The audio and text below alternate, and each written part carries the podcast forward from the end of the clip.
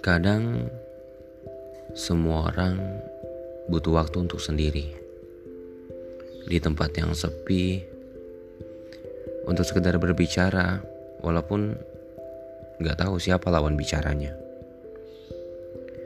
Dan di podcast ini gue akan tuangkan cerita gue yang gue juga nggak tahu siapa pendengarnya. Jadi have fun aja ya guys.